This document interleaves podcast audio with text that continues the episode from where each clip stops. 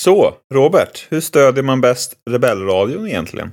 Det lättaste sättet att stödja Rebellradion är via www.buymeacoffee.com rebellradion. Där kan man chippa in, man eh, väljer själv hur mycket eller hur lite. Och sen så får vi några spänn som vi kan spendera på till exempel att betala poddräkningar. Det kostar ju till exempel att ha alla de här gigabyten ute på nätet. Så att det är en grej som man kan hjälpa till med. Och får vi in lite, lite mer pengar, ja men då kan vi ju köpa merch till exempel. Eh, som vi kan ha med oss om vi ska ut och träffa folk på stan till exempel. Eller, eh, eller något. Så att eh, buymeacoffee.com slash rebellradion.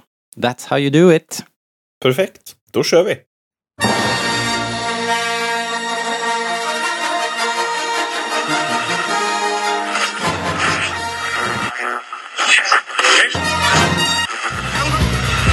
Det här är Rebellradion. Vi pratar allting Star Wars. Star Wars-pratradio när det är som bäst. Välkomna!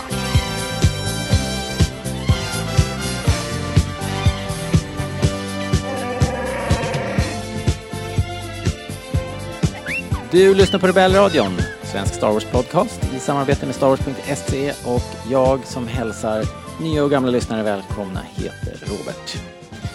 Eh, och jag ska hälsa Hanna välkommen också. Hej Hanna! Hallå! Tjena! Vad trevligt! Mm.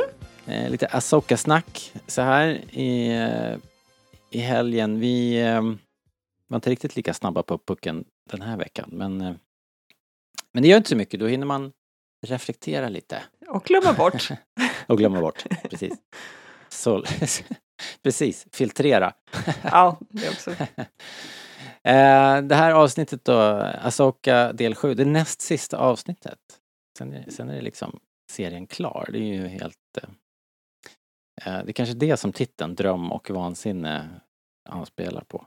Eh, jag vet inte. Att det, att det är vansinne att det snart är slut, eller? Att det redan är som en dröm och att det är slut. Det är vansinne. Eh, Geta Van Sant Patel stod för regin. Eh, hon är känd för Meet the Patels. Har du sett den? Nej. Nej, den vart... Undrar om den vart belönad? Ja, jag tror Okej. att de prinsbelönt film tror jag. Eh, och så har hon gjort eller, tv-serier och senast House of the Dragon såg jag. Mhm. Den, den tyckte jag. Och något avsnitt. Och, och det här avsnittet var cirka 45 minuter. Ink eftertexter brukar det väl vara. Mm. Så inte så, Så, typ långt. 35 minuter i verkligheten. ja, exakt. Närmare. Eller snarare liksom. Ehm, så det var väl liksom eh, eh, Eh, eh, ett standardavsnitt på så vis. Inge, ingenting som stack ut där. Vi ska ta en titt på vad eh, vi kände inför det här och hur upptrappningen är inför finalen helt enkelt. För det är väl, det är väl så man får ta det här. För inte var det väl Alltså det händer ju grejer och det var en del actionscener så men jag upplevde det ändå som en en Lugnet före stormen avsnitt om man bara ska kort, sam, kort sammanfattning. Ehm, men men eh, vi, ska, vi ska inte gå händelserna i förväg kanske utan vi, eh, vi kör igång podden helt enkelt. Concentrate. Take in all that is around you. Let's go again. I have reason to believe the Empire is still a threat. We face another war. Let's begin. Ahsoka Tano. Anakin spoke highly of you. Get ready. Nice trick. Got any more? Ahsoka, two episode premiere streaming August 23rd. Ja, Men okej Hanna, om vi ska ta en titt på det här. Eh, ska vi börja med att se vad våra, våra lyssnare tycker och tänker om det här kanske. Vi gjorde som vanligt då att jag skickade ut en liten sån här eh, fråga på Instagram. Mm. Eh, och vi har fått ett mail också som är lite mera, och det, det kan ju vara ett tips till er som tycker att Instagrams formuläret är för eh, för eh, snävt i sina former. Jag vet inte hur många tecken man kan klämma in där men det är ju inte, man kan inte skriva så långt. Så tycker du om att skriva lite längre då får du på, eh, mejla till rebellradion podcast at gmail.com. Where's the message? You have that message, right?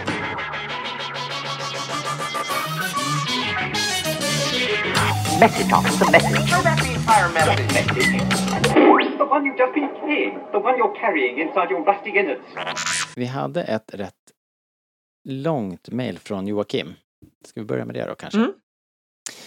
Eh, Går det att eh, banta ner lite grann? Om det... Ja, jag måste snabbläsa här.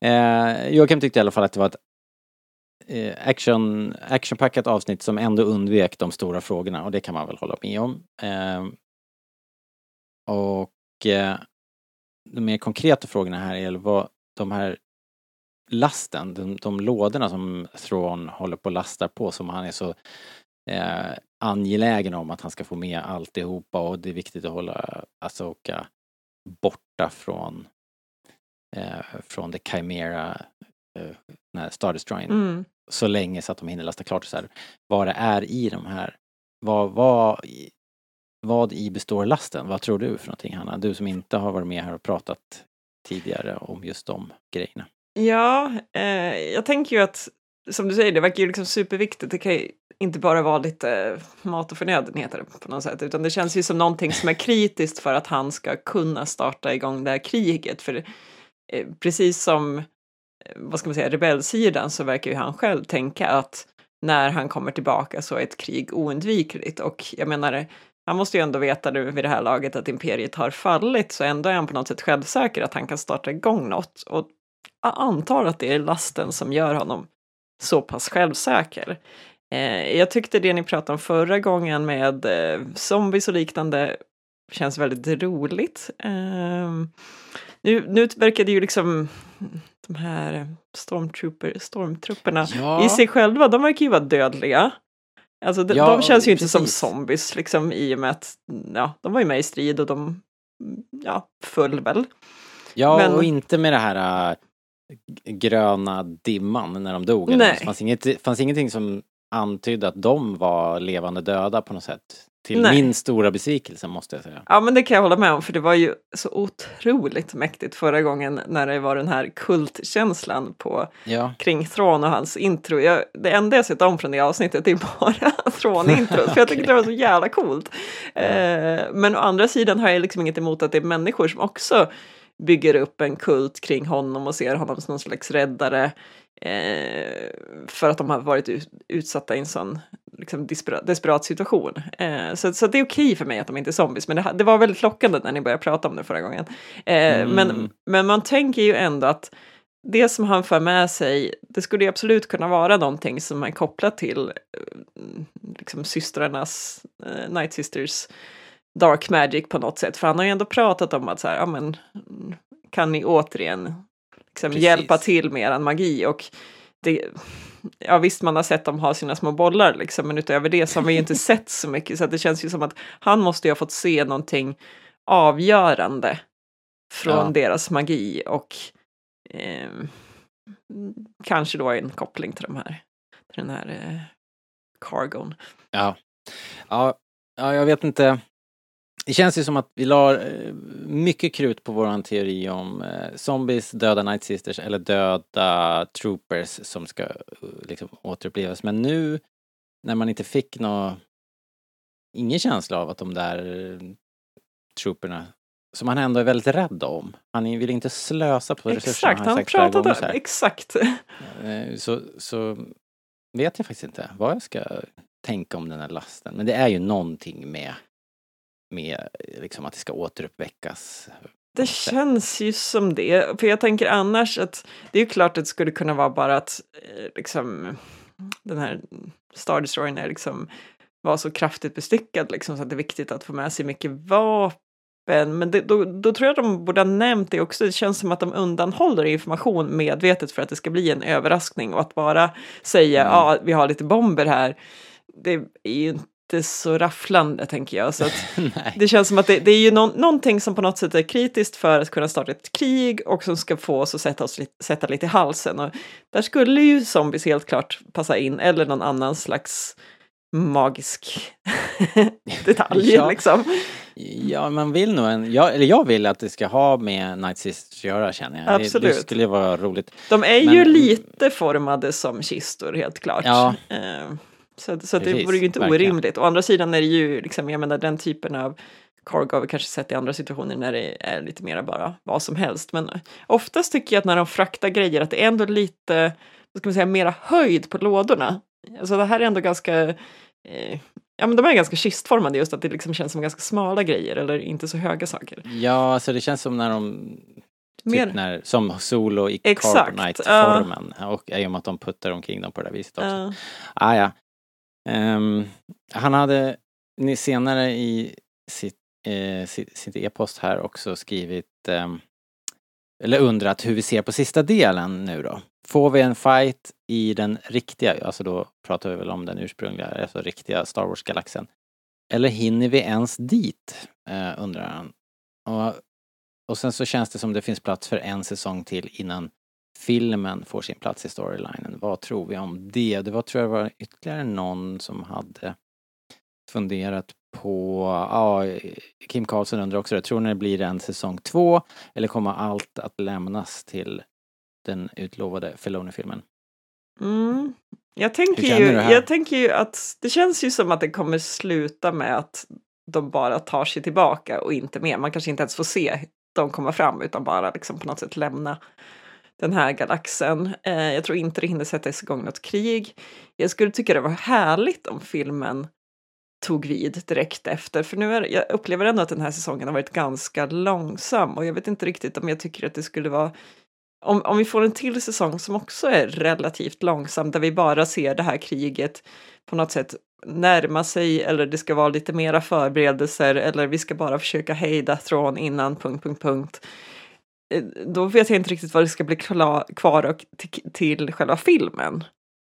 Nej. Så jag skulle tycka att det var skönt om filmen kom igång för att jag brukar normalt gilla serier mer än filmer men jag börjar skifta lite efter alla de här Star Wars-serierna för jag upplever att de är det är lite för slött tempo liksom. Att, eh, nu börjar jag längta efter någonting som har liksom, en ganska snabb handling som tar oss framåt Ja. och det är liksom eh, ja, men väl uppbyggt. Ibland känns det som att de trampar matten bara för att de har lite för många avsnitt. Ja, det är jättekonstigt. För de har ju väldigt mycket tid på sig. Men det är som att de inte riktigt vågar. Jag får nästan känslan av efter så här många serier nu att det, det blir som när vi läser böckerna liksom. Mm. Att de har inte eh, möjlighet, antar jag, att liksom göra några riktiga kanon... Jag håller med. Liksom slå, Ja. slå ner några stolpar i kanon på riktigt. Utan de bara, de har någon grej på slutet som de, hit ska vi liksom. Ja. Och så det känns tyvärr som en lång transportsträcka. Men Den här serien började begränsat. så himla bra. Ja, det började så himla bra. Men jag kan fortfarande liksom inte säga, ingen av karaktärerna har ju några uttalade avsikter. Det, jag blir tokig alltså.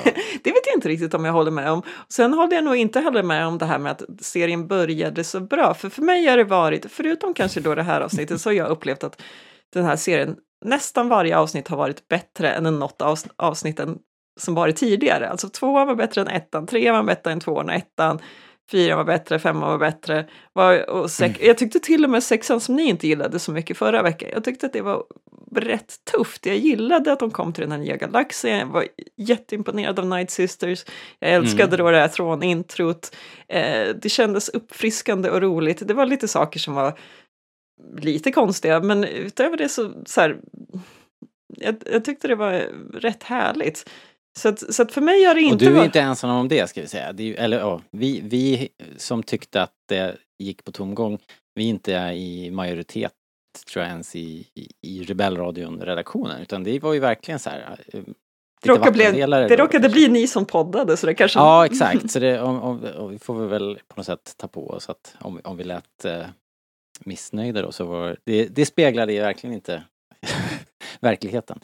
Nej. Utan det, det har ju varit jag tror Daniel till exempel tyckte att det var det bästa avsnittet hittills och du var ju väldigt positiv och Ja, men det var precis, det var förra avsnittet. Jag får med att Daniel nästan pratade om det här avsnittet som... det, ja exakt. Ja. Ja det är sant ja, precis. Han tyckte det här avsnittet har toppat. Så att Mm. han ju verkligen tycker att det har varit en uppåtgående kurva. Mm. Eh, Medan jag upplever att det har totalt Så man har väl lite... bara gått in i väggen. Men Jag antar att vi liksom bara uppskattar lite olika saker. Så... ja, Och, jo, och, och då precis. ifall den här serien då varierar en del över avsnitten så kommer vissa gilla en del av, gilla början bättre och andra kommer gilla slutet bättre. Liksom. Ja. Men vad de ska hitta på med slutet här, det... Uh, vet 17. Det var väl också någon fråga vi fick här från Jeppo. Mhm. Jeppo 99. Vad har ni för kusliga teorier inför finalen? Ja, jag hoppas att det blir kusligt i alla fall. Jeppo. Men frågan är om vi hinner se det där kusliga redan nu. Om vi nu tänker att, eh, eller det, det är ju ingenting som säger att det behöver vara så, men om vi tänker det som att vi kommer inte se Thrones krig i den här serien. Det vore lite hafsigt om de ska hinna med det på någon Ja, det 30-40 känns minuter nästa, nästa Ja. avsnitt. Så, eh, så att, och det betyder kanske att vi inte kommer få se vad som är i de här cargon. Eh, och liksom, vad är det då som kan vara kusligt just nu? Ja, det skulle kanske kunna vara det Balen håller på med. Han, där känns det ju som, det, liksom, Mm. det är ju Precis. någonting med den här planeten som lockar på honom. Det är ändå en Dathomir-planet, nu minns jag inte vad den här heter, men liksom det är ändå deras hem, huvudhemplanet. Eh, så att liksom deras magi verkar genomsyra hela planeten och det ska ju han på något sätt tappa in på, tänker jag. Mm. Han pratar om att han vill bryta den här cykeln också. Så att Ja. han verkar ju ändå känna av någonting som är otroligt mäktigt som han på något sätt vill kontrollera och förstöra cykeln med, tänker jag. Ja, men vad jag, det nu kan vara. Ja, för det är det som är lite klurigt, för jag tycker att han pratar ju också till Shin som att säga, ja men ta din plats i imperiet. Så att på något sätt tänker han att hon ska ta sig tillbaka till tron, de ska ta sig tillbaka till galaxen Mm. eh, och ta makt. Men samtidigt tänker han att han ska då bryta cykler. Är det liksom mer en långsiktig grej liksom? Men han skickar också iväg henne med något visdomsord där. Att om du Ja. liksom, lite så här, den som gapar efter mycket förlorar hela stycket. Ja, det var väl ja, ungefär den som hon fick. Eh, så att jag kan inte lista ut, dels tyckte jag, jag, jag kan inte lista ut varför han släppte henne Nej. på det viset. Och jag kan inte riktigt lista ut vad the endgame är. För Jag honom tänker du eller? Ja, eller för henne liksom. Eh, annat än att hon, var ju- han ville ju att hon skulle ta plats vid Trons sida. Mm. Varf- men varför kan jag inte lista ut riktigt. Nej, om man, eller om man bara på något sätt känner så här att hon är en liksom eh, dead end, att liksom, hon har inte riktigt visat den sidan som han har kanske hoppats. Eh, liksom. Mm. Hon känner ju, men, men samtidigt har han inte, han, jag tycker ändå att han verkar bry sig om henne, så ifall han tänker så här att, säg då lite hypotetiskt, att han tänker att han ska ta vid någon slags kraft som ska förstöra både imperiet och jedi-sidan liksom. Då borde han ju ändå på något sätt försöka hålla henne borta från det, men det gör han inte riktigt. Ja, Eh, precis. lite blev jag, började jag fundera på den här, nu, nu går vi tillbaka till liksom icke-kanon här, men det finns ju den här rasen, vad heter de, Von, Yushan Von, Usain? Ju, ja, just det. Alltså- Usain Bolt. ja, men lite, förlåt, jag, jag minns inte exakt, men det är någonting sånt. Yusong Wong, tror jag. Ja, eh, att eh, kanske inte just exakt det, för det, de är lite töntiga, men liksom någonting att han, han tänker att han ska väcka någonting vid liv, till liv i den här planeten som ska byggas upp till att sen komma och störta den andra galaxen. Liksom. Och det kanske är en så pass långsiktig grej att det inte på något sätt påverkar sin, för det kanske är liksom hundratals år framöver eller någonting sånt. Men Och du tror inte att det har att göra med eh, världen mellan världarna? Att, att han vill in där och trilskas? ja, Det har ju också varit någon sån här internetdetektivarbete med fansen, att de har kollat på bakgrunder och, och inskriptioner på tempelväggar här på, fan heter planeten där vi är nu? aj, förlåt, jag har glömt. Jag har glömt. The Great Witchdom of the Dathomiri. Jag, jag har glömt vad planeten heter. Eh, men- eh, och där då sk- har jag läst någon, någon sån här, att de har hittat eh, text och, och symbolik som kommer från eh, den här Sepho-rasen Mm. från spelet, Mm. ehm, eh, här spelserien ehm, Absolut. Fallen, Fallen Order. Ja.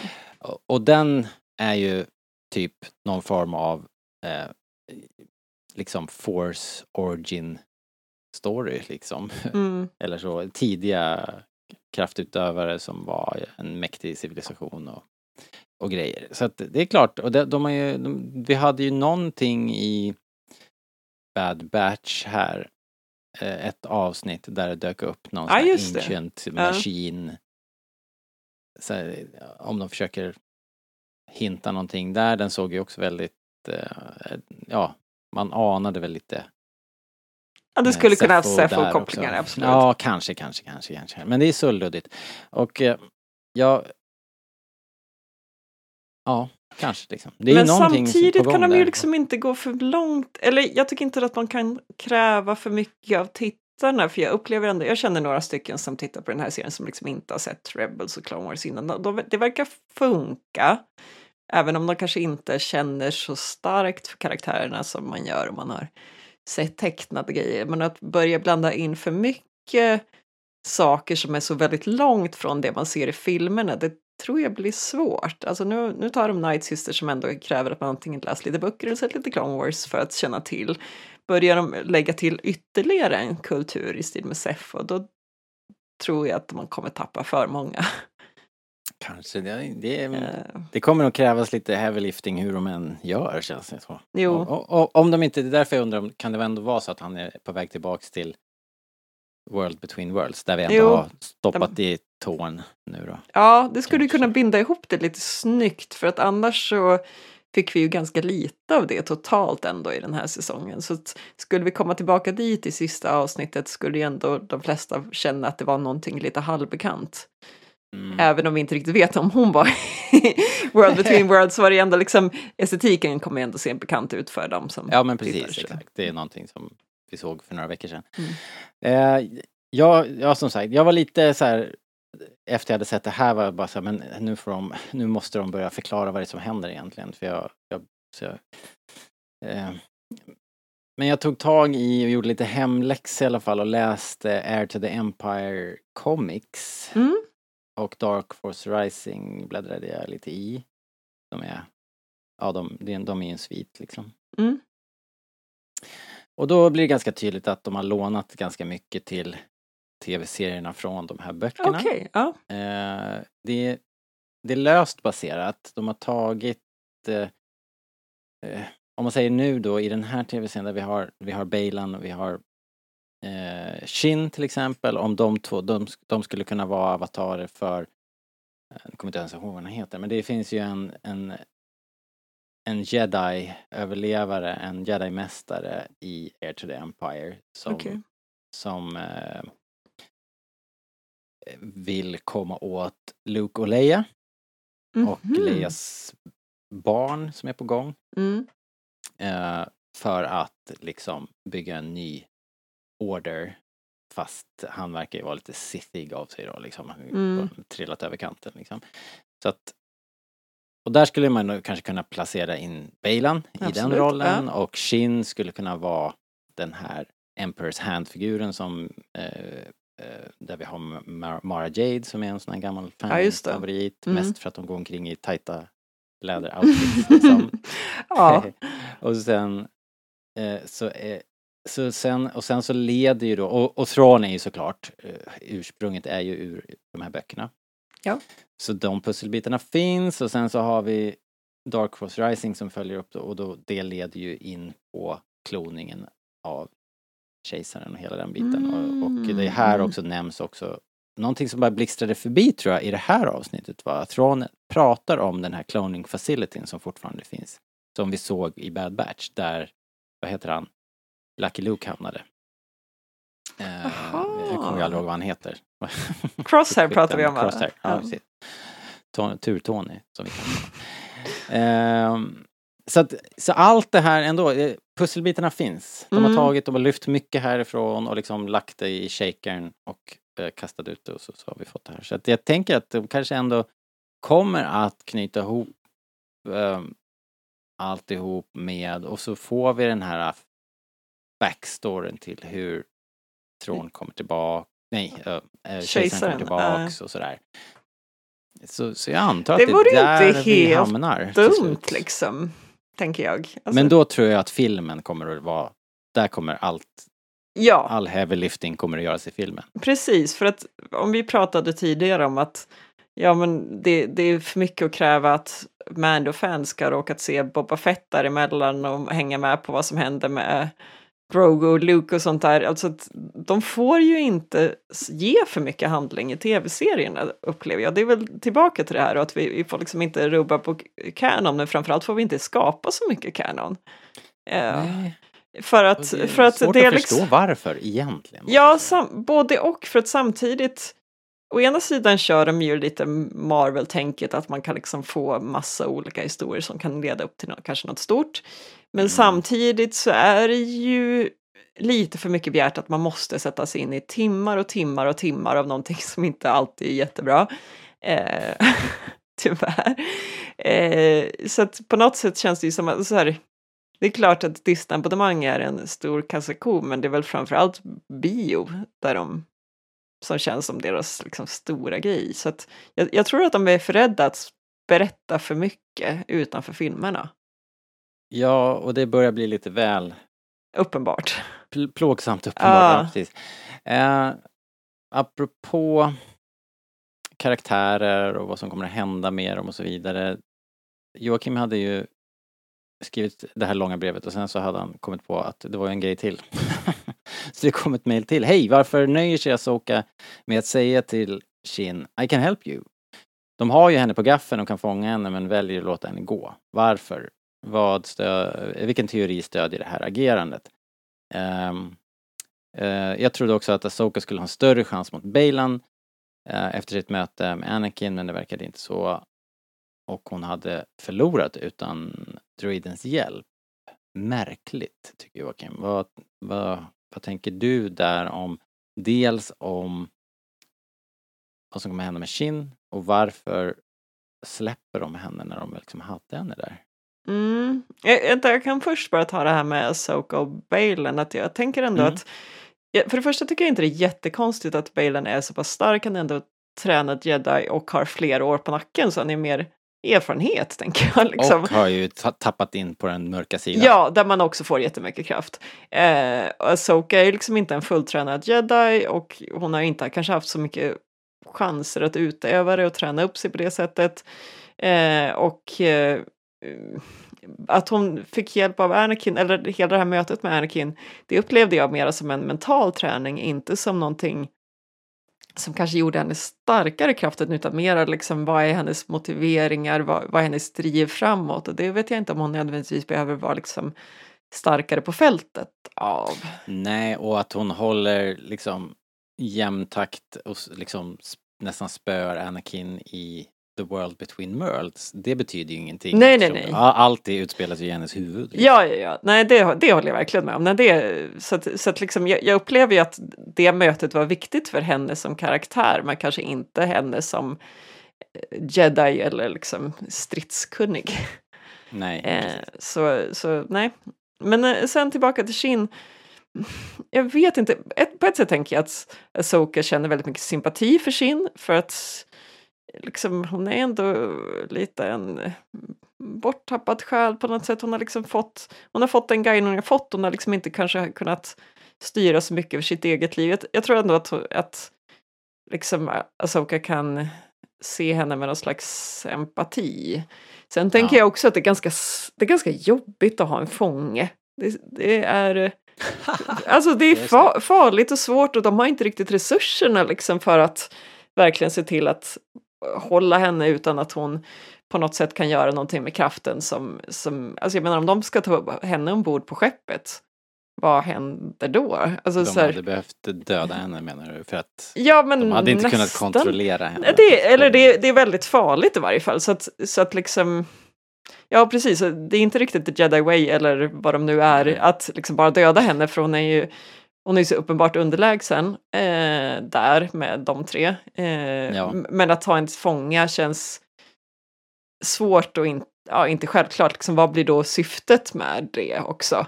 Varför ska Jag de... gillar ju mer din första där tanke att det finns en likhet, en, det finns paralleller mellan Asoka och eh, Shin. Mm. Eh, eftersom de båda har mästare som har på något sätt Övergett snett. dem? Ja, och lite grann övergett dem kanske då. Ja, eller ja, det hade de ju i det här läget i och för sig. Även om jag vet inte hur, hur, hur uppdaterad Asoka var just på den. Nej, men hon måste ju ändå på något sätt sett att de har, de har ju uppenbarligen separerats. Eh, Jo, ja, jo, ja. och liksom, och, Men- och Shin men har kastats iväg på... beroende av den här eh, Fallen Jedi-gubben som är, som är på glid. och, hennes lärling då. Jag tänker Ja. att hon ser, ser sig själv lite grann i henne. Jo. Precis. Och att hon inte dödar de här två. Hon, hon liksom trasslar sig ju ur fighten med Bailan när, när skeppet kommer och strafar där och hon väljer att låta sin löpa.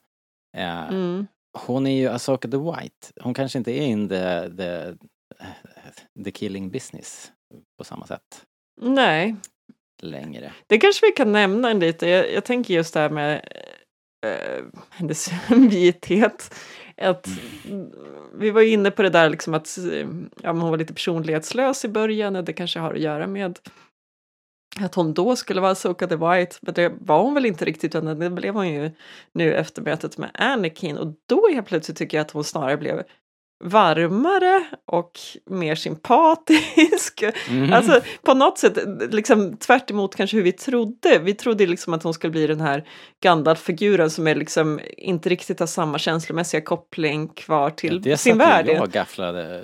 Ja, men det var ju snarare så det började och det kanske mer var en koppling till att det hade liksom strulat med Sabine och de hade en ganska jobbig relation och sådär. Men nu upplever jag att sen hon kom tillbaka till livet igen så har ju hon känts ja, men varmare och liksom det här mötet med Ezra och hon kramar honom och liksom hon ler igen och eh, ja, jag vet inte, det, det är ju något Ja, men nytt med henne. har ju en vikt har ju fallit från Ja. hennes axlar, upplever man ju när hon har liksom släppt skulden. Hon har ju gått omkring med någon sorts uh, Anakin-skuld på någon vänster. Mm. Det där gjorde hon ju upp med och då efter det som du säger vart hon ju lite varmare. Det kanske är det du nice. säger. Ja, precis. Det kanske mera är just den här kopplingen till Anakin. För jag tänkte först att liksom, det var så stelt i början på grund av Sabine. Men som du säger, det är väl egentligen... Och hon behövde göra upp med Anakin, eller sitt minne av honom. Ja, men jag, ja. Så tänkte jag i alla Mm. fall. Det verkar Men, rimligt. Ja, kanske, kanske. Svårt med den här serien eftersom man inte får veta någonting. Lite i taget. Lite i taget. Ehm, vad Ja. hade vi mer då? Vi hade ju Fredrik Kylberg, underbart att se C3PO. Min ledstjärna och förebild. Oj! Borde det verkligen vara det? ja, Jag vet inte riktigt. kan analyseras eh, vidare. Jag håller med i Walkerna. Han tänker alltså att 3PO är en gud. Guden. Um, Mm, okej. Det var ju nice att det var, det verkar ju faktiskt som att de har skruvat in eh, Anthony Daniels, eller? Anthony Daniels i gulddräkten. Ja, det var det? Okej. Ja. För jag tänkte annars att ja, det är ju lätt att bara fixa rösten och så kan de ju Ja. göra... Man tänker, han kan ju inte få plats i den där, för han såg, det såg bra ut och så. ja. Men tydligen. Eh, han gick ut och tackade för förtroendet och för... Och egentligen passade han på på Instagram att tacka för hela karriären, Oj. vilket var stort. Ja. För liksom hela gärningen att få ha varit 3PO och allting. Så det var, det Mm. var stort. Mm. Han hade nog inte trott att det skulle bli något mer. Nej, och det är väl det rimligt som. kanske. Jo, verkligen. Ja, man hade fått känslan av att han hade pensionerat sig. Faktiskt. Mm. Men men, eh, det var kul. Ehm, Får jag bara säga en sak nu? Bara, det slog mig nu, jag hoppar Mm. tillbaka till det här med liksom hela Thrones krig och eh, eventuella zombies som skulle kunna komma. Ja. Eh, det är en sak om de, om de förklarar det här med kejsaren och hur han återuppstår, men annars vi har ju inte hört någonting va, om någonting krigliknande. Alltså jag tänker i sequels eller motsvarande, har man liksom hört om någonting som motsvarar svarar liksom Battle of Yavin fast frånvarianten. Alltså att på något Nej. sätt så känns det som att om, om det här blir någonting så kan det inte bli särskilt stort. Det kanske avbryts i förtid och det är kanske det vi kommer få se i filmen. Eller så kanske bara blir ett slag och efter 30 år så bryr man sig inte. Eller liksom, men ja. Fast det är ju i perioden här mellan, vad har vi där? Det är ju det här slaget som, eh, där vi hittar Ray. Hon är ju på en, en Ja, just det. Men det är väl ganska kort efter Battle of Endor va, som vi har eh, Jakku va? Battle of Jakku, är det, ja, jag kommer inte ihåg, det är ju beskrivet i någon av de här uh, Spelen va? Också. också. Ja, det Ja, kanske. just det. Ja, just det, det är ju backdrop i... Oj. Battlefronts va? det är för mycket titlar. Är det inte Battlefront som det Jo, heter? precis ja. ja. Man kan ju fightas där i Battlefront. Precis. Men det, men det beskrivs också i eh, de här böckerna som hette... Nu är Ja, det never djupt mind. vatten. Ja, Ja, nevermind. ja förlåt. Eh, Det var, bara, det var bara en liten sidogrej. De fin- det, det slaget finns ju i alla fall. Man skulle ju kunna möjligen skohorna in det eller så gör man bara ytterligare slag någonstans. Ja, det kanske inte är Alltså, det- omöjligt. Det är väl bara att på något Nej, sätt så... Det är svårt. Det är svårt att få in någonting. Kan vi inte bara byta århundrade så att vi får lite Eh, fria ja. tyglar igen? Ja, jag tror att vi skulle må bra av det Eh. faktiskt. Ehm, Ah, ja. Det, det var en annan grej jag kom på där när vi började babbla om, om 3PO och den här, där var, han dök ju upp i den här äh, på Coruscant, vi fick ju se en, lite fina bilder från Coruscant igen Mm. och eh, någon, någon form av eh, jag vet inte vad det är för byggnad faktiskt. Men det var ju någon form av eh, maktcentrum där de Ja. hade en, en ja, någon form av råd och eh, de skulle då reda ut om Hera skulle få behålla sin sin titel. Men var det inte mer som en court martial rättegång nästan? Just det, precis. Och eh, det var ju, där har vi ju den här eh, senatorn då som uppenbarligen är lite eh, Ja, han verkar, han verkar ju vara en eh, han motarbetar ju, känns det som. Antingen en väldigt konservativ byråkrat eller så har han något fuffens för sig. Det är väl Ja, ja, ungefär precis. där, där någonstans däromkring. Hera satte ju ner, skickade ju en snygg pik där. Så jag, det är dig jag motarbetar, inte, inte Mm. republiken. Eh, men det var också, skulle jag bara säga, eh, om det var att det är också en sån grej som finns i eh, Dark Force Rising. Att Okej. det finns det den här korrupta politikern som, som jobbar eh, bakom scenerna där och det är i boken är det en Bothan. Eh, men det Mhm. är ju inte det Mm. i, i tv-serien. Men i alla fall, ytterligare en sån här grej som jag tänker, aha okej, Mm. här har vi den, här har vi den karaktären. Mm. Liksom. Men senast i podden sa ju jag det, men då berättade ni att han var ändå far till en, en av hjältarna då i Resistance. Så frågan är ju, det, är, det behöver inte betyda att det finns, att de står på samma sida, det var bara att det gjorde mig ju mera tveksam till att han var för ond.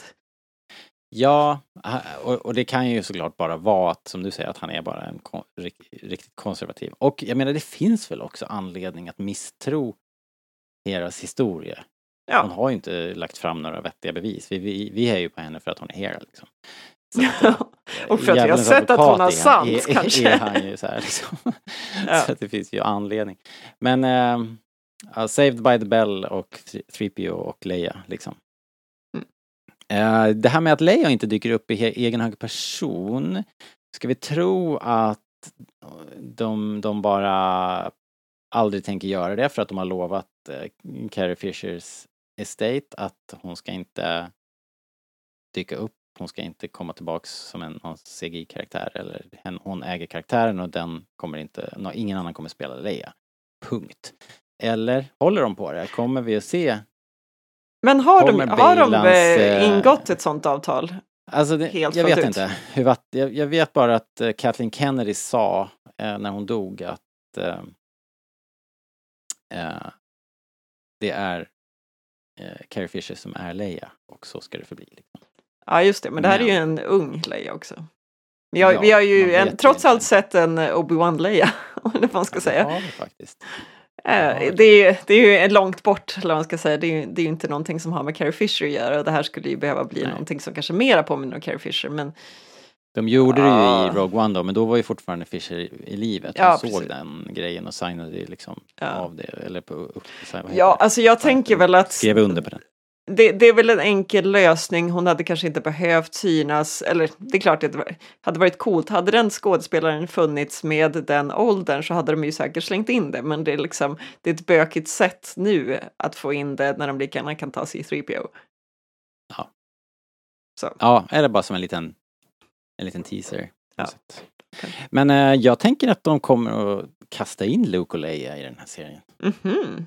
Om de inte spar på det också då, förstås. Det är också sådär, så allt, krut, allt krut går till filmen. Ja, I sig, någonstans måste de ju få in Luke, tänker jag. De kan ju inte ha gjort så mycket besvär kring Grogu där utan att det blir någonting. Men jag tänker att, ja, ja det blir väl till filmen då. Ja, Eh, men det är också så här lite som du sa senast vi pratade tror jag att det är liksom livsfarligt att blanda in de här karaktärerna för de tar över.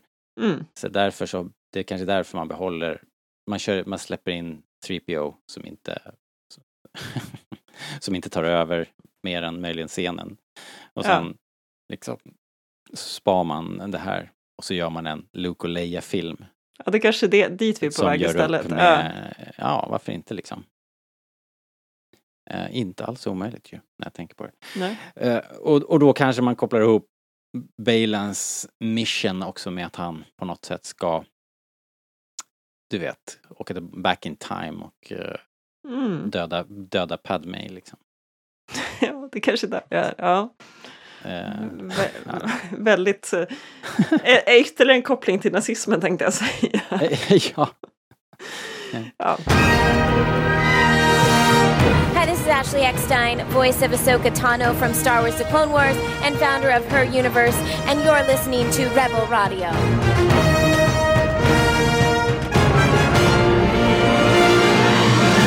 Ja, ehm, alright. Mm. Har du något annat om eh, handlingen här som vi ska, som vi bör Ja. avhandla? Nu har vi ju vi har pra- pratat, hoppat väldigt mycket fram och tillbaka. Vi har ju inte pratat om do. Ezra och Sabine Nej, någonting. Eh, där känner jag att jag har ett stort frågetecken. Det är Eller bara så här- ett, det tycker jag Ja, men det är stort. Nej, men så här. ja. Jag tycker, för det första måste jag bara säga att jag tyckte det var jättekul att se Ezra. Jag trodde inte att jag skulle bry mig så mycket, men bara när, de, när man fick se honom i för, förra avsnittet. Hur han rörde sig, hur han eh, röst, tonfallet och ja, jag vet inte. Jag tycker det har passat otroligt bra med Rebels-motsvarigheten. Eh, Okej. Så det, Bra det var, castat. Ja, det var jättebra castat och liksom man kände verkligen att så här, här är någon som har eh, verkligen studerat Rebels på samma sätt som jag upplever att Hayden Christensen har studerat Clone Wars. Liksom. Han gör inte sin gamla, eh, gamla Anakin utan han gör ju Clone Wars Anakin i den här serien och det, och det syns, tycker Mm. jag. Eh, och, det, och det är väldigt roligt då, för jag har ju då gnällt på Hera som jag inte alls känner igen men men de här två, både, både Anakin och eh, Ezra tycker jag är riktigt klockrena. Nu har ju Ezra väldigt lite plats men, men, men man känner igen honom och det, det är härligt. Ja. Eh, däremot, det här att Ezra liksom, man får reda lite grann om imperiet. De nämner, det, det måste jag förresten säga, de nämner lite om Seb, de nämner lite om Hera. De säger inte det, det stora att Hera och Kanan fick barn. Nej, Kan man, kan man också på. tänka, för jag menar Kanan var ändå hans mästare. så att, Mästare, ja. så att, att Kanan fick en son eh, efter sin död, eh, det borde vara relevant också. Men men. Eh, Eller hur, det är helt, men sånt här driver mig till vansinne. Att Ja. han inte är mer, liksom att det inte är en större grej. Alltså hela, det är ju helt, det är ju helt vansinnigt att de bara sitter där och bara åker och ingen, och har ingenting att prata om nästan känns det som. nej, för att... Va, för, va, det, det finns ju, exakt! han borde vara i upplösningstillstånd. Exakt! För att jag känner verkligen så här, så fort eh, hon kommer, då skulle jag bara så här, vad har hänt? Vad, vad, hur ska vi ta oss härifrån? Framför allt den grejen, så här, hur kom du hit?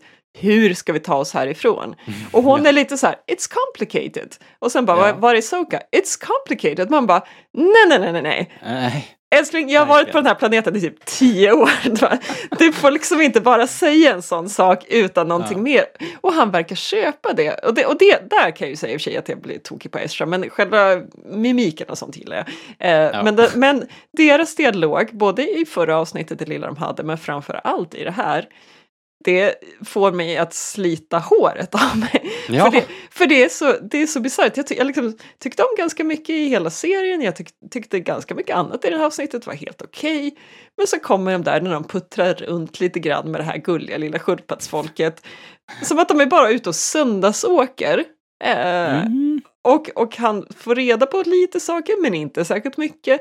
Och hon är otroligt vag, han ställer, sig, ställer henne inte till svars för det. Och framför allt, varför har de ingen plan på att ta sig därifrån? Jag menar det är ju en sak att hon kommer dit men han kan ju knappast vara nöjd med det. Liksom. Han måste ju ändå känna så här, okej okay, jag är redo att ta mig härifrån nu.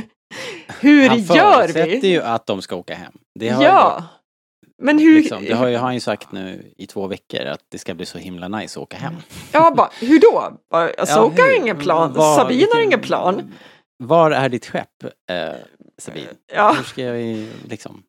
Ja. Nej, det är frustrerande måste jag säga. Och Estra det här måste det ju också... största liksom, problemet Ja. jag har med, med det här avsnittet. Att det, det, det hänger ju helt enkelt inte ihop. Det är ju bara det är jätte, jätte, jättekonstigt. Så jag blir ju nästan så här att jag tänker att den här titeln med eh, Dreams and Madness, att, att det har att göra med att liksom, kommer de göra en Dallas här liksom? Kommer vi bara så här Jag vet inte. vakna Ja, vad är det? Det är Kejsaren dröm, vaknar eller? med ett ryck före slaget på, på Endor. Liksom. Ja, men allt, allting, har, inget av, allting efter det har inte hänt. Liksom.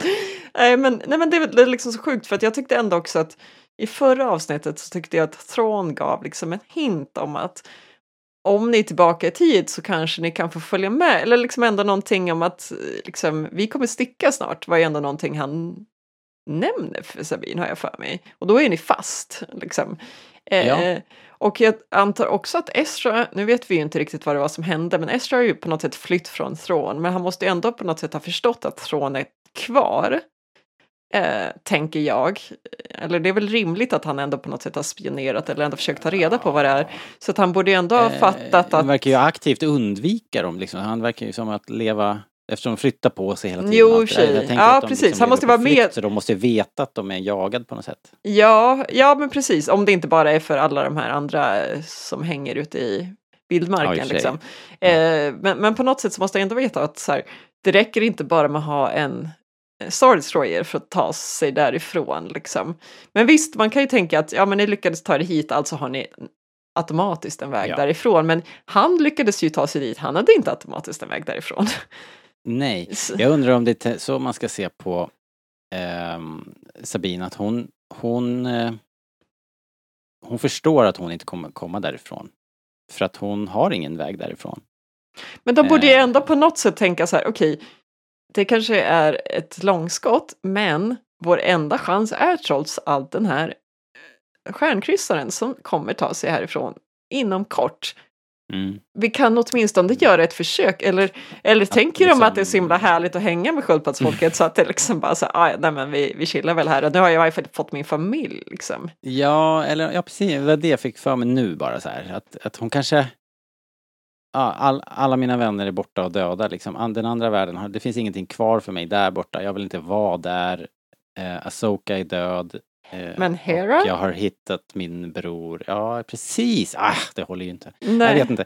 Det är jättekonstigt. Nej, jag tänker också, det, det, den, den mest Star Warsiga planen är väl ändå att vi försöker att eh, smyga ombord på Star Destroyern. Liksom. Ja, och det skulle jag ändå tycka, det, det skulle passa, som du säger, det skulle vara en Star Warsig plan, alltså så här, smyga sig ombord eller på något sätt ta över det här, mm, väldigt osannolikt plan kanske i och för sig, men liksom på något sätt lyckas komma dit igen. Men, men hon... Klä ut sig till Death Troopers Ja, och smyga ombord. Ja, eh, men eh, nej, nej, nej, nej. liksom. Och, hon verkar, och, och det är det som är så konstigt, för Thrawn pratar om det här som så här, ja, vi måste bara sinka de här så att de inte hinner komma tillbaka till oss, liksom vi ska hinna då, ja, fixa med vår frakt. Eh, liksom, vi, vi måste se till att fördröja dem så mycket det bara går. Och det behöver de ju inte, för att Sabina har ändå inte ens bråttom. Det så, alltså, ja, jag vet inte. Thrawn har sina listiga planer, men han skulle kunna gå och sova och det skulle gå precis lika bra. Ja, ja. Och det är Ja, det bisarrt. är det jag menar. Klockan tickar ju inte. Det är det jag menar. Alltså, det, det är så konstigt för att man, man bygger upp, hela, hela grejen som du säger med Thrawns briljans är ju att han styr undan och, och duckar Ja. så att tiden ska gå, de ska, de ska slösa bort sin tid. Men grejen är att de slösar ju bort sin tid av sig själva. ja, De, kan- bry- de inte nödvändigtvis jag, Asoka, jag känner ingen som Sabine. inte har så lite bråttom som Sabine. Liksom. Nej, hon bara, du den här hunden, jag är lite trött på dig. Spring Ja, iväg. jag va?" går. ja. Ja, nåja. Ja, den, Eh. den, den gör mig arg eh, och jag känner också att det är lite frustrerande att vi har inte får reda på varför Night Sisters bryr sig om Thrawn. Eh, det kanske Ja. vi kommer att få reda på, men det kan också vara så att det liksom på något sätt ska vara liksom självklart att de skulle vara på samma sida, vilket absolut inte borde i och med att Imperiet är ändå någon slags eh, ja, men det, det är liksom någon slags uppföljning av separatisterna som ändå mördade hela liksom Night Sister-folket. Eh, Det så- känns som, ja, det, det är också så här. Det, är det, det var det jag sa förut när jag sa att det finns ingen som säger vad, vad avsikten är med någonting. Vi vet ju inte vad som motiverar dem riktigt. nej. Och hade det varit för mycket begärt, hade, vi hade man inte kunnat få det liksom? Ja, det, fall? det känns som de lite, lite exposition. Ja. Ja, de vill det här. De vill härifrån för att de ska bli asmäktiga när de kommer fram. Mm. Liksom.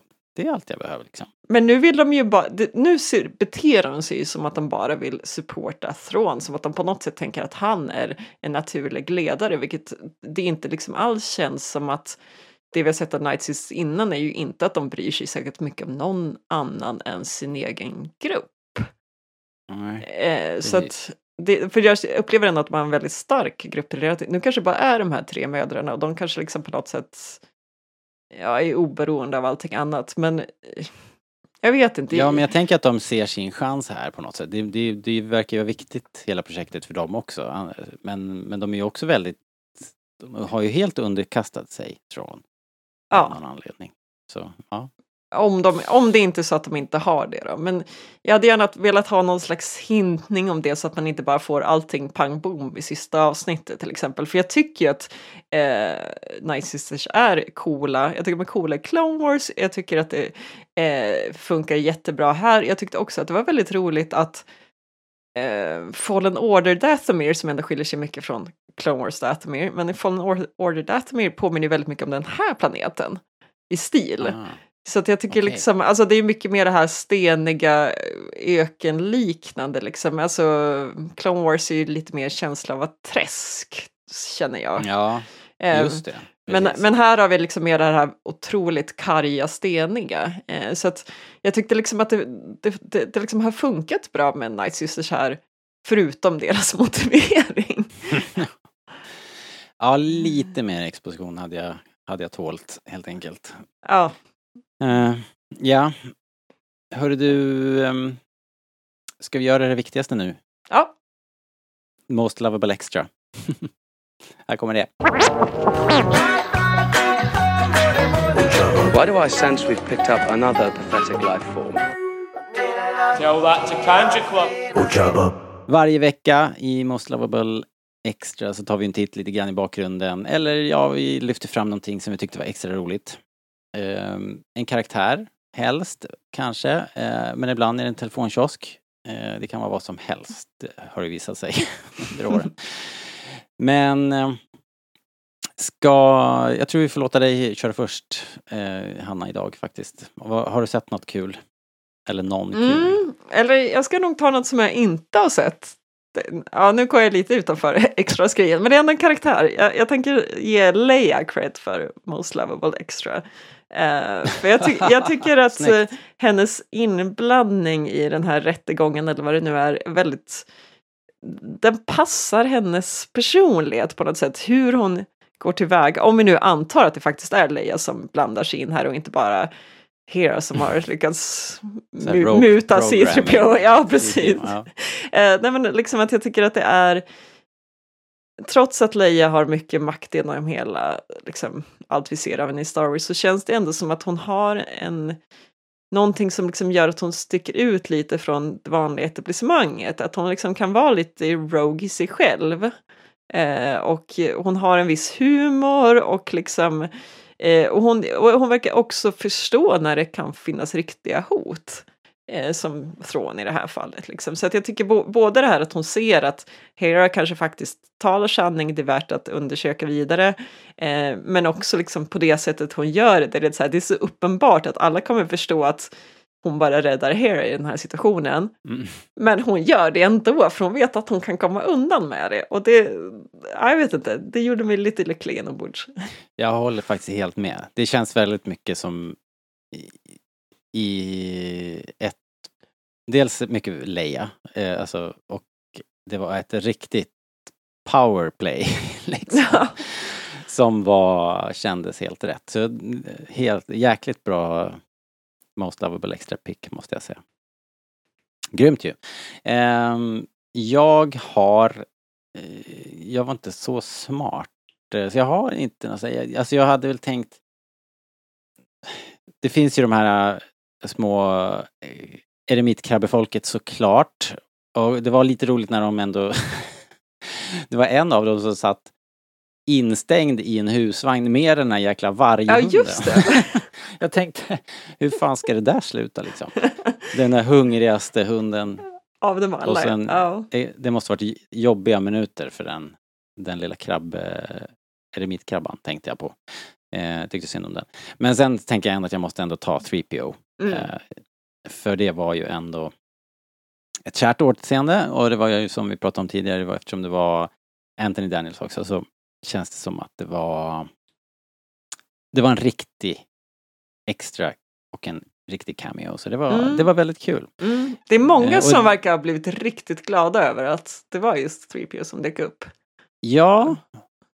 Och jag vet inte hur, hur den där scenen hade kunnat bli bättre, måste jag säga. Den behövde nog den där twisten för att, för att vi skulle bry oss egentligen, känns det som. Jo, faktiskt. det kan jag hålla med om. Så det var bra, det var mycket Mm. bra.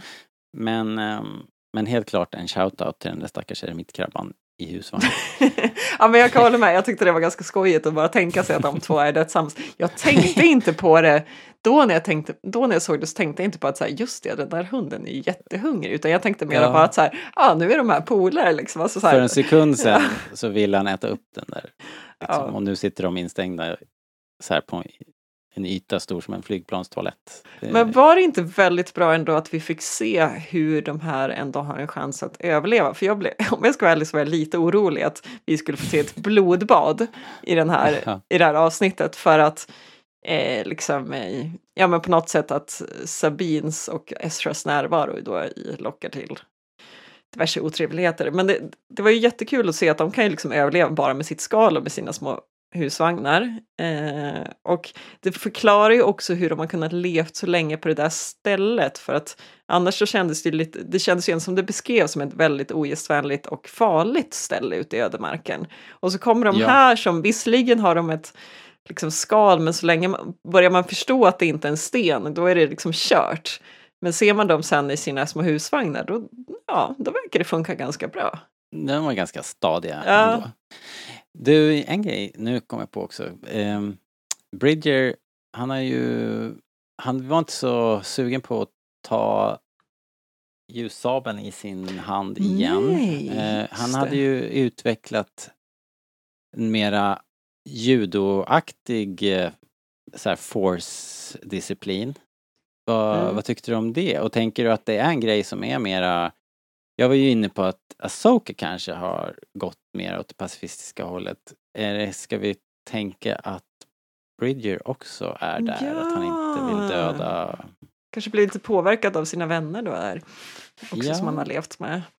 Eh, ja, för det blev... Jag blev förvirrad men positivt överraskad när det här hände. För jag tyckte att hans sätt att fightas var rätt coolt. Liksom, framförallt kanske det som stack ut mest var väl när han liksom använde sin force push mot hennes ljussaber så att den började liksom fladdra till. var ju en Ja, rätt snygg Just det. detalj. Alltså den liksom nästan böjde sig och det upplever jag kanske inte att vi har sett så mycket innan utan det är ju oftast ljussabel mot ljussabel som är grejen i Star något- Wars. de gör något move i um, någon av sequel-filmerna där... Ja, det kanske de vem är gör. det? Någon stoppar ljussabeln med bara handen typ. Jag kommer inte ihåg vem det är. Bara för Ah, kan det vara i... Mm, det känns Ja, som det skulle kunna vara i Last Jedi när Snoke precis föddes men det kan... Nej, jag vet faktiskt inte. Ah. Eh, eh, ja, Okej, men jag tyckte det var ballt. Eh, däremot tyckte jag inte att det var så tydligt, än så länge i varje fall, varför han just vägrade ta ljussabeln. Jag tänkte inte så långt som i att eh, han har blivit så pass pacifistiskt. På något sätt kändes det mer som att det var någonting han liksom nästan blev rädd att ta på.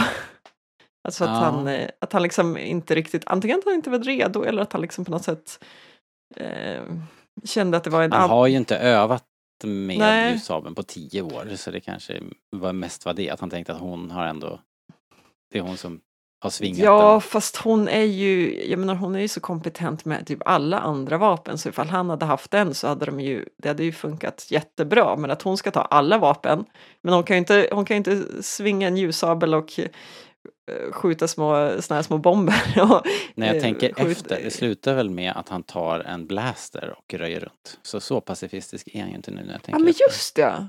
Ja, ja, för det var någonting som var liksom så här, så att det bara kändes som att så här, det är nästan som att han är allergisk mot, att den här, mot den här ljussabeln, att han verkligen inte vågar. Eh, så det tyckte jag var lite intressant, men frågan är ju om vi får reda på något. Kanske? Troligen inte, skulle jag vilja flagga för. Jo, Eftersom vi inte får reda på något, Hanna. Jo, men någonting, alltså lite mer om Estra tror jag vi ändå får reda på i nästa Det måste komma.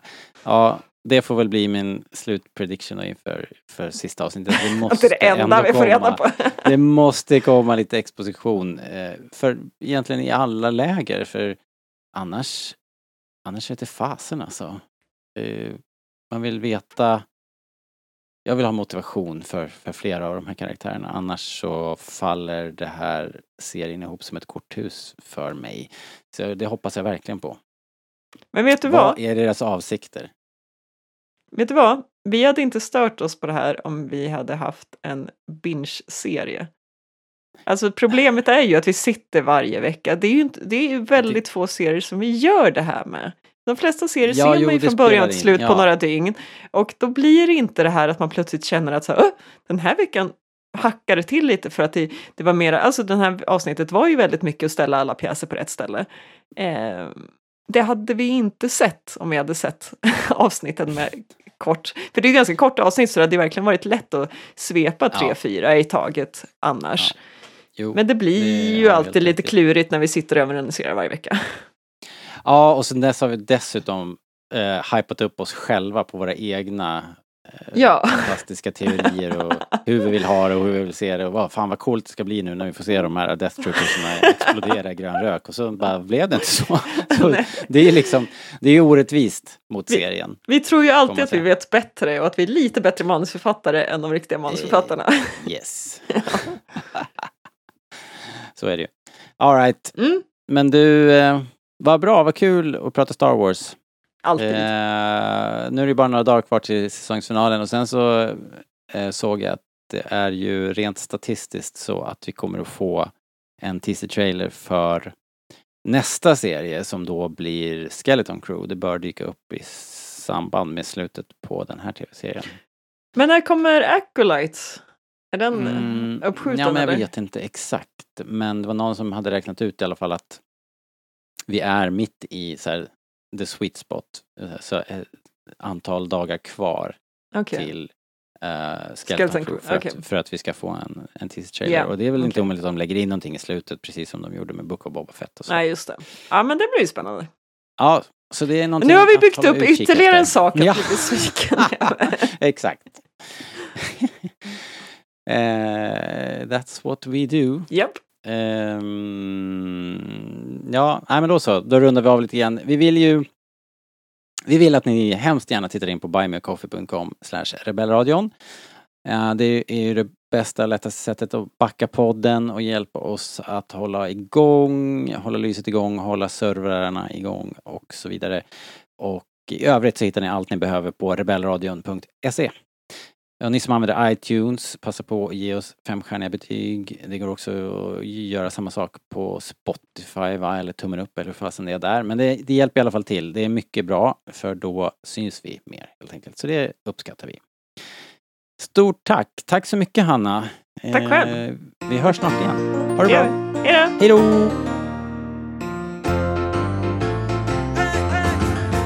En jedi med två svärd i världen mellan världarna. Asoka, två sablar eller svärd, får följa hennes färd på nya äventyr.